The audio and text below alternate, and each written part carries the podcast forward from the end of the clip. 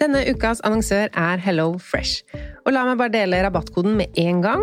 Gå inn på hellofresh.no og bruk fresh penge. Da får du opptil 1779 kroner rabatt.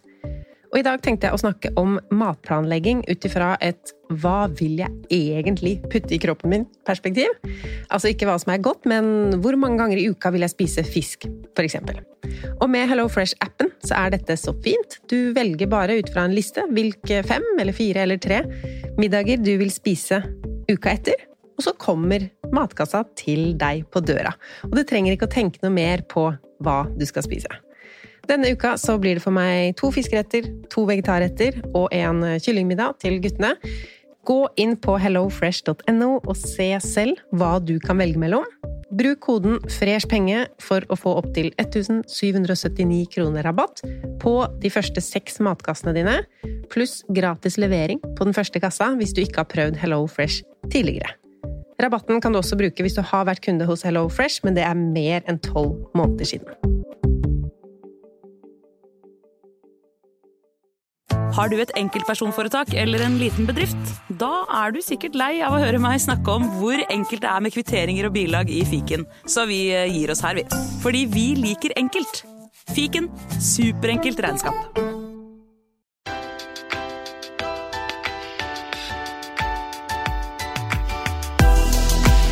Velkommen til Pengesnakk podkast. Jeg heter Lise, og i dag skal jeg fortsette med spørsmål som dere har sendt. Hvis du ikke fikk med deg del én, så er det episode 86.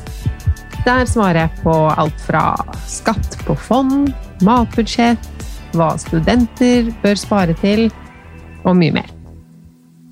I dag skal jeg ehm, ja, har plukka ut en del eh, spørsmål, men så skal jeg først si noe om det å spare på skatten. Altså det å sette et ekstra høyt skattetrekk på lønna som tvungen sparing. Det har jeg tidligere sagt er en dårlig måte å spare på. Jeg skal komme tilbake til hvorfor. I år har jeg ikke sagt noe om det, men eh, det er det mange som har.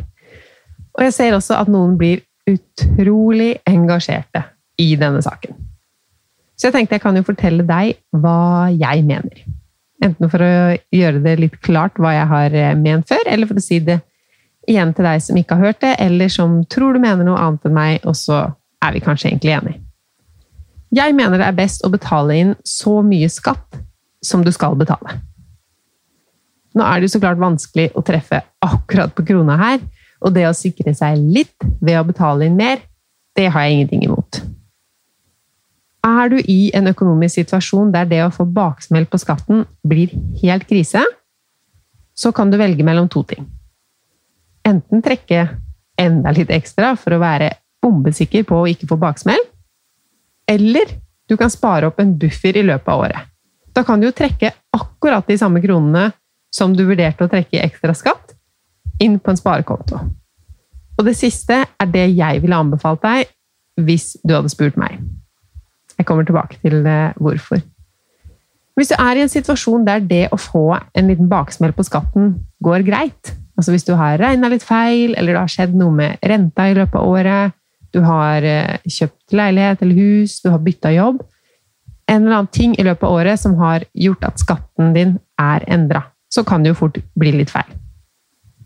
Men hvis du har en god buffer, du har en god lønn, kanskje du har også et lavt forbruk, sånn at du iallfall har muligheten til å betale den baksmellen uten at det utgjør noe At det er noe stort inngrepen i din økonomi, så er det ingen grunn til å legge på mer enn du tror du skal betale i skatt. Så jeg vil jo si prøv å treffe så godt som mulig. Jeg har ikke sett at noen anbefaler å betale altfor lite med vilje for å kunne investere disse pengene i mellomtiden. Det høres jo så høyrisiko ut at ja. ja, og jeg skjønner at noen gjør det, faktisk, men jeg håper ikke de anbefaler det videre. Og i alle fall ikke til den gruppen jeg snakka om først, hvor det å få baksmell på skatten rett og slett blir krise, eller kan bli starten på en krise. Fordi under et år i aksjemarkedet er jo altfor kort horisont. Det er skikkelig høy risiko. Så det er ikke noe jeg kan stille meg bak, men jeg har heller ikke sett noen anbefale akkurat det. Det jeg har sagt, er at jeg ikke anbefaler å bruke skattetrekket som sparemetode. For det er det mange som har gjort, og tenkt at å, det er så kjekt. Både det at de penga er helt ute av syne, sånn at de blir spart, men også det å få den potten penger før sommeren. Men det kan jo også være negativt at de pengene er borte, at de trekkes i løpet av året, hvis du får en uforutsett utgift og ikke har en buffer. Så er det jo også sånn at det er dårlig avkastning på pengene.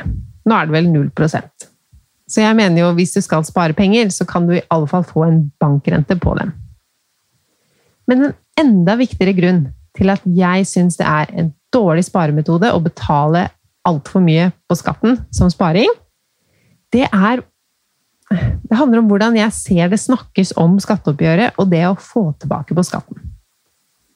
Selv om man da har planlagt å ha så høye trekk at man får tilbake kanskje 30 000 på skatten, hva skjer når du logger inn og sjekker skatteoppgjøret?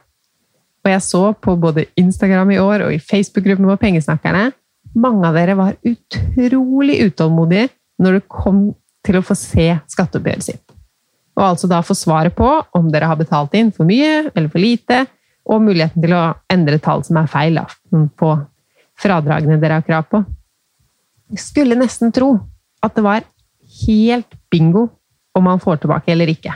Sånn som jeg oppfatta stemninga rundt det, iallfall. Og det gjør at jeg er litt redd for at mange forholder seg på en måte til disse pengene som ikke er lønnsom. Det er hele grunnen til at jeg mener at å spare, eh, å bruke det å trekke ekstra mye skatt som sparing, er en dårlig måte å spare på. Altså sier ikke du er dum hvis du er, trekker litt ekstra for å være sikker på å ikke få baksmell. Fordi når du får tilbake penger på skatten, selv om du har lagt opp til det selv, det glemmer mange når de åpner skattemeldinga og ser Får tilbake på skatten! Så klart får du tilbake på skatten når du har betalt inn ekstra mye hver eneste måned. Men hvis det føles som en seier og gratis penger, har det noe å si for hvordan du bruker dem? Jeg snakka med Else Berikelse, som har vært på besøk her i podden, Ida, som har Aksjekaffe, og Ingeborg, som heter Gjeldsfri på Instagram. Mange av dere kjenner sikkert til dem. Vi hadde en samtale på Clubhouse om hva vi ville gjort hvis vi ble millionærer i morgen. Vi snakka ganske raskt om det eh, om å få 250 millioner. For å gjøre samtalen helt utopisk. Men la oss si det handla om én million. Det første jeg tenkte på, var at da ville jeg ansatt en kokk. Og det er jo kanskje ganske langt fra sånn som du kjenner meg, men jeg tror jeg kunne likt sånn luksus. Jeg er jo ikke noe flink til å lage mat. Tenk om bare noen lagde supersunn mat, og jeg måtte ikke vaske opp selv engang. Men så tenkte jeg samtidig så rart. Hvis jeg fikk én million i morgen, så ville jeg gjort noe sånt. Men om jeg tjener én million mer i år enn det jeg tjente i fjor, så ville jeg jo bare gjort fornuftige ting med pengene. Så det er litt rart hvordan vi forholder oss til til og med akkurat de samme summene, men når det kommer sånn som en gevinst, eller sånn Får du 30 000 tilbake på skatten, hva i all verden skal man bruke de til? Og noen ganger blir det tatt fornuftige valg. Jeg sier ikke, altså Du som hører på Pengesnakk podkast, jeg tror ikke du er helt sløsete. Men hvis du hadde spart jevnt og trutt i løpet av året 30 000 kroner på sparekontoen din, da hadde du ikke nå i liksom mai-juni tenkt på Hva skal jeg gjøre med de? skal jeg bruke, for, ta, bruke de på forbruk. Det er det som er grunnen til at jeg syns det å bruke skattedekkede sparing er en så dårlig spareform. Du sparer, er flink til å spare, men så ser du på de som en penger du har fått, og derfor bruker du de mer løssluppent, eller på litt mer mindre gjennomtenkte ting, enn om du hadde spart dem sjøl, på en konto. Det eneste argumentet som finnes for å bruke skatten som sparegris, det er jo at du trenger at pengene er låst. Altså, du får ikke til å spare Altså, det eneste grunnen til at du får til å spare på skatten, og ikke på noen andre måter, er at da er pengene låst, og du har ikke noe alternativ å få de ut. Men hvis det er grunnen til at du bruker skattetrekk som sparemetode, så ville jeg prøvd å begynne i en annen ende. Altså Hvis du ikke kan ha penger på kontoen din uten å bruke dem, hva gjør det med økonomien din? Og hva gjør det med fremtiden din? Er det noe du kan trene på? Eller kanskje i hvert fall nærme deg litt ved å ha sparepengene i en annen bank, sånn at de er tilgjengelige, men litt mer utilgjengelige enn om de var i dagligbanken din? Jeg ville i hvert fall prøvd så mye som mulig å komme til roten av det problemet. At du ikke kan ha penger i nettbanken uten å bruke dem. Heller enn å spare på skattetrekket, for så å bruke alle pengene på en gang når du får de tilbake. Nok om det. Jeg ville bare si at jeg syns ikke du er dum hvis du får igjen på skatten. Det kan være mange grunner til å få igjen på skatten, men det å trekke ekstra penger for å være smart, ender ofte opp med å ikke være så smart, fordi vi ser på pengene vi får tilbake på skatten, nesten ikke som om det var våre penger hele tida, men som en slags gevinst. Men la oss starte på spørsmålene. Og det første jeg har plukka ut, er et som jeg ikke kommer til å svare så veldig godt på, men jeg tok det med fordi jeg oftere og oftere blir spurt om lignende ting. Kan du snakke mer om prosessen det er å starte for seg selv som selvstendig? Og det hadde jeg gjerne snakka mer om hvis det var sånn at jeg hadde en gründerdrøm, eller jeg ville starte for meg selv. Fant ut hvordan jeg kunne gjøre den drømmen om til en plan. Fant ut hvordan min business skulle være, og så lagde jeg den businessen. Og nå sitter jeg her med suksess og kan fortelle deg akkurat hvilke steg du må ta, og hva du skal gjøre. Det hadde sikkert vært inspirerende for mange av dere, men så er det ikke sånn min gründerreise har vært. Jeg tror ikke det er unikt å starte sånn som meg heller, men jeg føler meg på ingen måte som noe gründer, eller at det jeg er flink på, er å starte selskap. Sånn det var for meg, så var det sånn at jeg ville skrive en blogg. Den bloggen jeg selv hadde ønska meg da interessen min for økonomi begynte å vokse. Og jeg ønska liksom at det skulle være noe som gjorde det med penger litt enkelt og forståelig og for alle. Eh, så da begynte jeg med det. Så gjorde jeg det også fordi jeg ville at tema penger skulle bli noe vi snakket med hverandre om. At jeg skulle ha et sted å dele. Hvis jeg fant ut noe smart om penger og økonomi og sparing, så skulle jeg ha et sted å dele det. Og det var veldig gøy å starte Pengesnakk-bloggen, fordi jeg fikk ganske umiddelbart lesere som kommenterte, som jeg lærte av. og så Jeg aner ikke hvordan de egentlig fant fram til bloggen min i starten, men um, det, det Ja, med kommentarene som kom, og at jeg endelig hadde noen å snakke om penger med på min måte, det var veldig inspirerende. Så jeg fortsatte å blogge, og etter noen år så starta jeg podkasten du nå hører på. Og det tenkte jo jeg var sånn Da skal du være skikkelig, skikkelig interessert. Altså, dette er for en brøkdel av de som leste bloggen. Men ganske raskt så var det jo flere som hørte på podkasten, enn som leste bloggen. Så fikk jeg flere følgere på sosiale medier. Starta etter hvert opp gruppa Pengesnakkerne på Facebook. Um, jeg ble spurt om jeg kunne holde foredrag om sparinga mi. På den tiden så hadde det også vært en del medieoppslag om hvor mye jeg sparte på en vanlig lønn. Og det å få muligheten til å holde foredrag, det er jo supergøy. Så jeg begynte med det, reiste litt rundt. Um, veldig gøy å få ja, formidle enda mer det jeg brenner for. Da, og gjøre det enkelt og for alle, det her med penger og sparing. Og så ble jeg spurt om å skrive en bok. Det var flere forlag som kontakta meg ganske samtidig. Så igjen så har jeg vært i en utrolig heldig situasjon.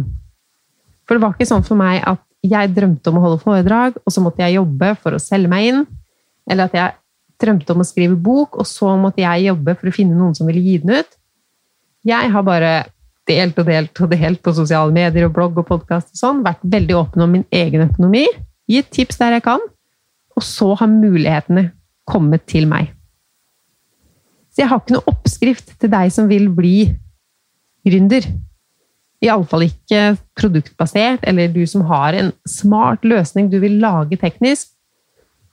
Mitt, uh, mitt firma er jo så enkelt. Altså, det koster jo ingenting å drive det. Nesten. Jeg måtte jo etter hvert gi opp fulltidsjobben min, men det, det er en kostnad jeg gledelig tok. For nå har jeg friheten, og jeg ser at det går bra økonomisk i firmaet mitt også. Men jo, jeg har jo ingen lokaler, jeg har ingen varer, jeg har ingen ansatte, jeg har ingen Altså, jeg kjøpte meg en PC og en printer.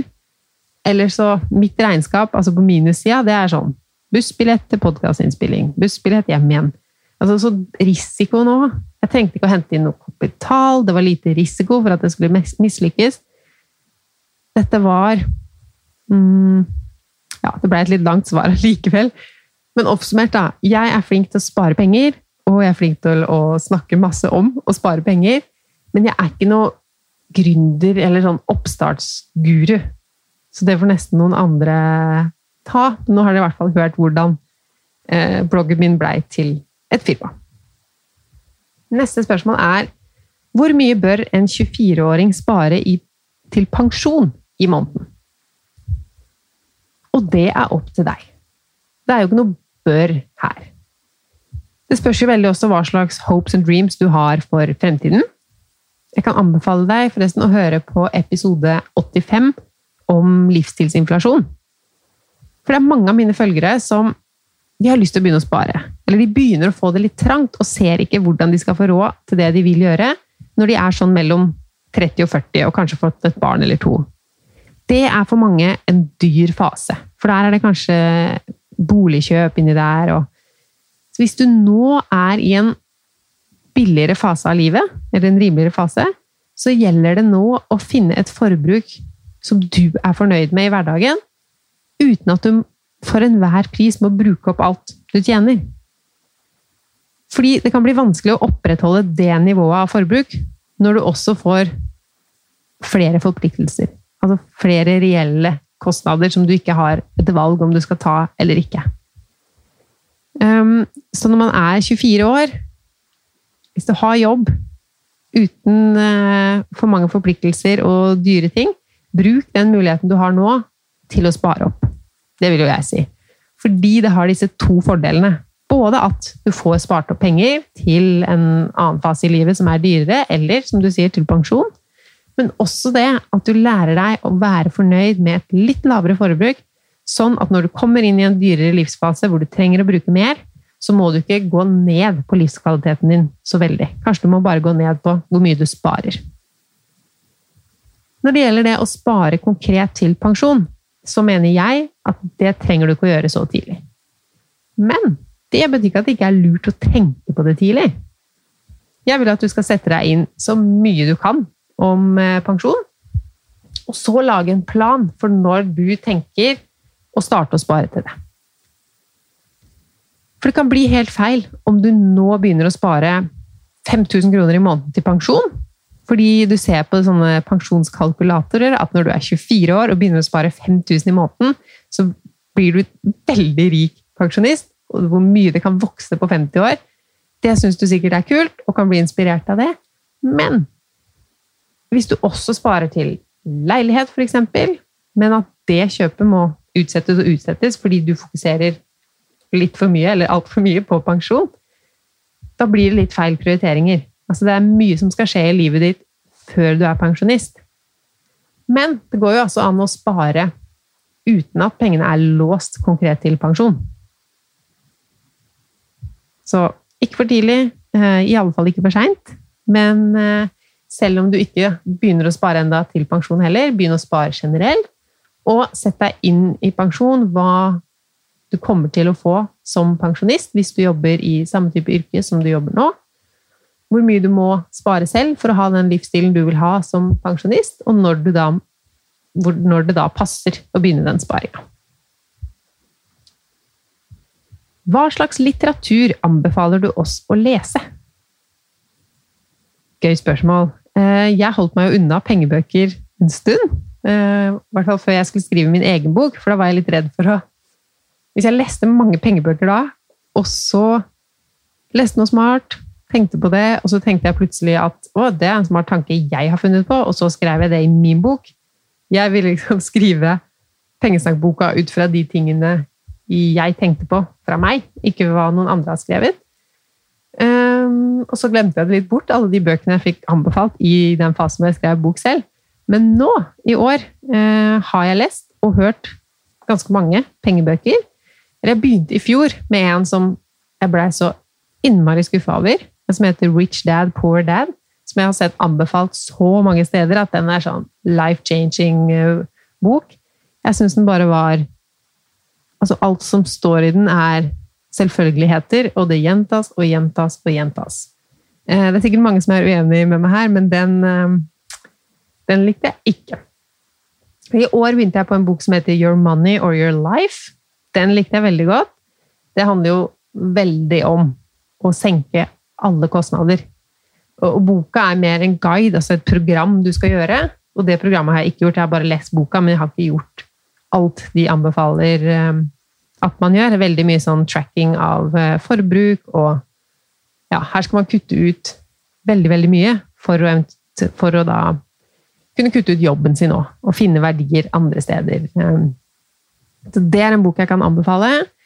Samtidig så leste jeg The Simple Path to Wealth, som handler om investering, og om hvorfor indeksfond er den beste måten å investere i aksjemarkedet på. Altså hvis du tar risiko opp mot eh, avkastning. Ehm, den kan jeg absolutt anbefale. Lettlest eh, bok om investering, og som får deg til å skjønne at du må ikke skjønne alt om alle markeder for å lykkes med investeringer. Så det syns jeg er bra, som ikke har en kjempeinteresse for investeringer. Jeg er veldig glad i type indeksfond selv.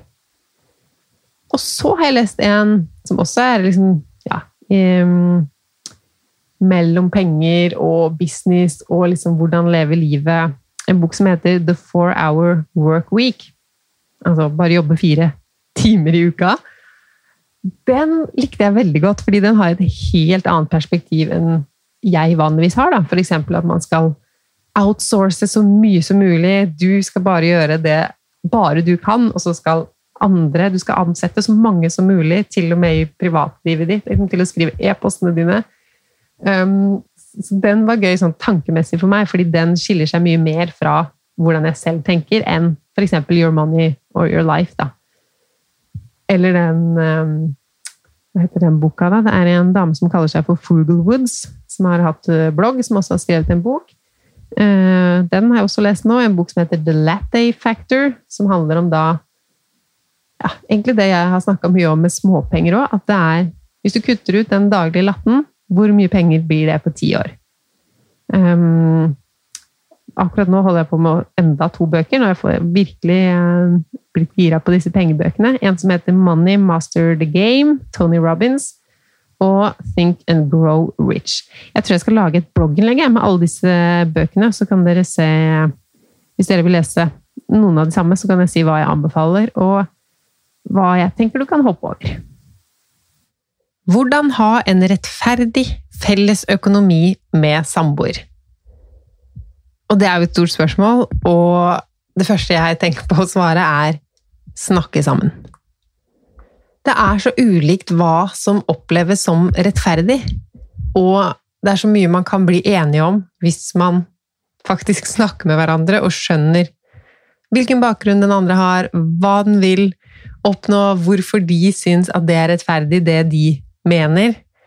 Eh, vi har jo en løsning Vi er jo gift og har fellesøkonomi på papiret, men fordi jeg er så glad i tall og regning og holde orden på min sparing og alt det der, at vi har en veldig delt økonomi i hverdagen. Så det er så mange ulike løsninger som passer for eh, folk, da. Men det å snakke sammen og bli enige om deres rettferdige fellesøkonomi er nøkkelen. Jeg får ofte sånne meldinger også fra dere hvor dere sier Hvordan kan jeg få samboeren min til å forstå Eller hvordan kan jeg overtale mannen min til ja, Ofte så handler det da om å ikke bruke penger på ting, eller å bruke penger på ting. At vi skal investere, eller at vi ikke skal bygge garasje. Eh, mange eksempler. Og da, hvis jeg skal være litt streng med dere, da, så begynner dere på litt feil sted. Altså, dere begynner med en tanke om at dere har 100% rett, og lurer på hvordan dere skal overbevise den andre Men hva hvis dere ikke har 100% rett? Hva hvis det finnes alternative løsninger? Hva om hvis det går an å bli enige på Altså, det er jo mange steder på veien mellom 0 og 100. Så tenk på det neste gang du lurer på hvordan du skal få samboeren til å forstå et eller annet. Så spør deg selv først hva er det jeg kan forstå for å møte min samboer på en bedre måte. Oi, det var kanskje ikke helt mitt tema å være sånn eh, samlivsterapeut her, men eh, sånn går det plutselig. Neste spørsmål. Det virker som du har god impulskontroll og er jevnt over gjennomtenkt. Har du tips til oss andre? Og tips til andre Jeg deler jo tips i alle mine kanaler hele tiden, men det å være gjennomtenkt og ha god impulskontroll, det tror jeg har kommet med åra med å være mer og mer sikker på hvem jeg er, hva mine verdier er. Um, det har med hele Jeg er jo fascinert av minimalisme som konsept. Og da er det jo litt sånn Jo færre ting du har å tenke på, jo mer kan du tenke på de få tinga enn hvis det er et konstant rush av uh, aktiviteter og ting som skal kjøpes og ting som skal gjøres, og reising hit og dit, og jo mer du har å tenke på, jo vanskeligere er det jo å være gjennomtenkt med det man gjør. Um, og når man har kommet til et sted i livet Nå hørtes jeg veldig gammel ut, da, men jeg er jo der at jeg tenker at jeg har nok. Jeg er fornøyd med veldig mange ting i livet mitt, og er takknemlig. Og da blir det mye enklere å også Så jeg vet ikke om det kan være et tips, å finne gleden i det enkle. At er det noe Det er jo uansett noe som er bra. Og ikke hele tiden skulle strebe etter å oppnå så mye eller skaffe seg så mye, for det blir et sånt jag hele tida. Men hvis vi klarer å heller være fornøyd der vi er, eller i hvert fall være fornøyd med noe der vi er, og så kan det være ting vi har lyst til å oppnå, men at det er færre ting, da. Og at det derfor er enklere å være gjennomtenkt, fordi det er færre ting.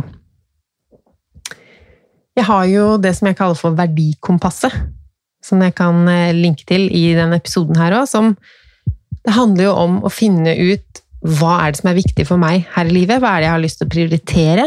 Hva slags mål er det jeg har? Og hva er det jeg har lyst til å prioritere bort for å få det til å skje?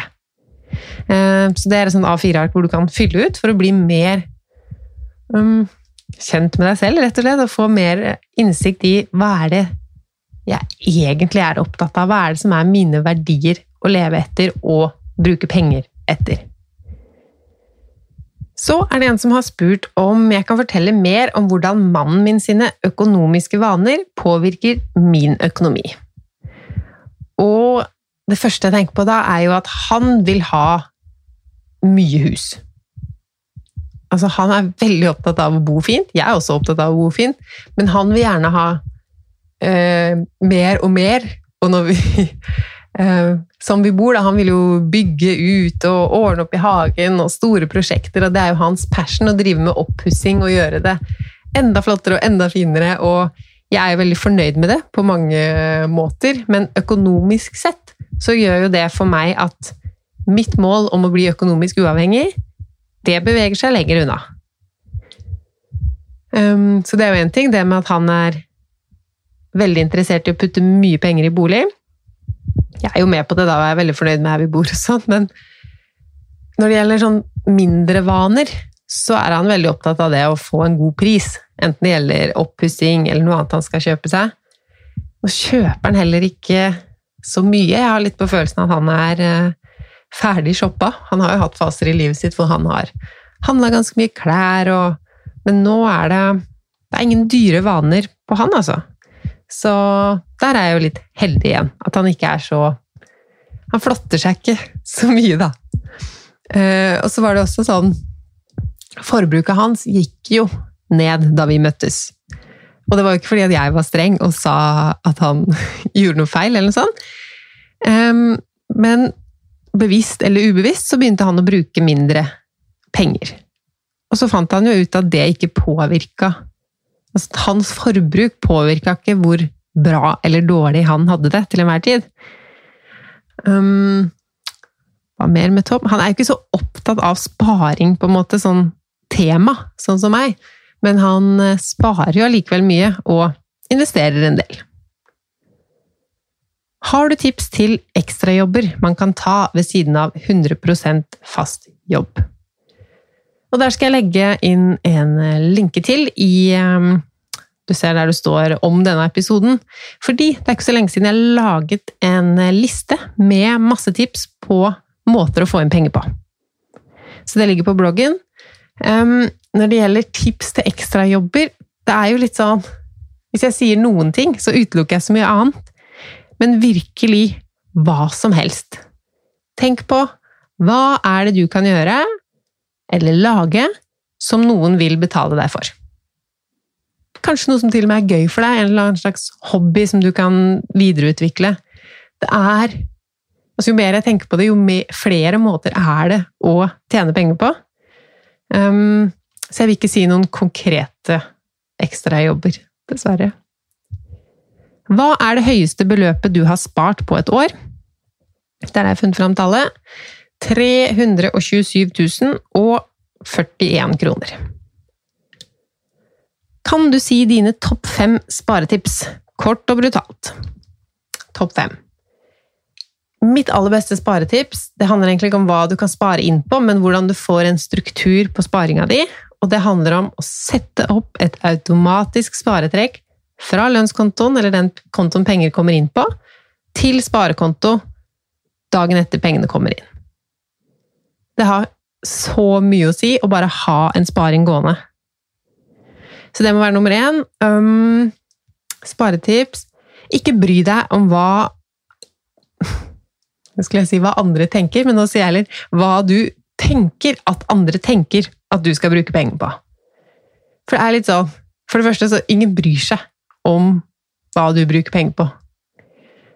Så vær heller mer tro mot deg selv og dine verdier, sånn som vi snakka om med Verdikompasset, enn at du skal bruke penger på samme måte som naboen eller venner eller noen andre. Eh, hvis du slutter å bry deg om hva andre tenker, eller hva andre du tror du vet at andre tenker, så blir det mye enklere å bruke mindre penger. Og så er det et sparetips som er Begynn å bry deg om miljøet vårt. Hvis du begynner å bry deg om liksom, klimaforandringer og arbeidsforhold i andre land, det gir en skikkelig effekt på å redusere forbruket. Fordi du kan ikke lenger da kjøpe klær omtrent uten å gjøre masse research, du må være gjennomtenkt. Du kan ikke bare bestille online fra eh, land i Asia hvis du bryr deg om miljø, så har det en effekt på så mye. Altså at vi bruker mer gjenbruksprodukter enn å kjøpe bruk og kast-ting.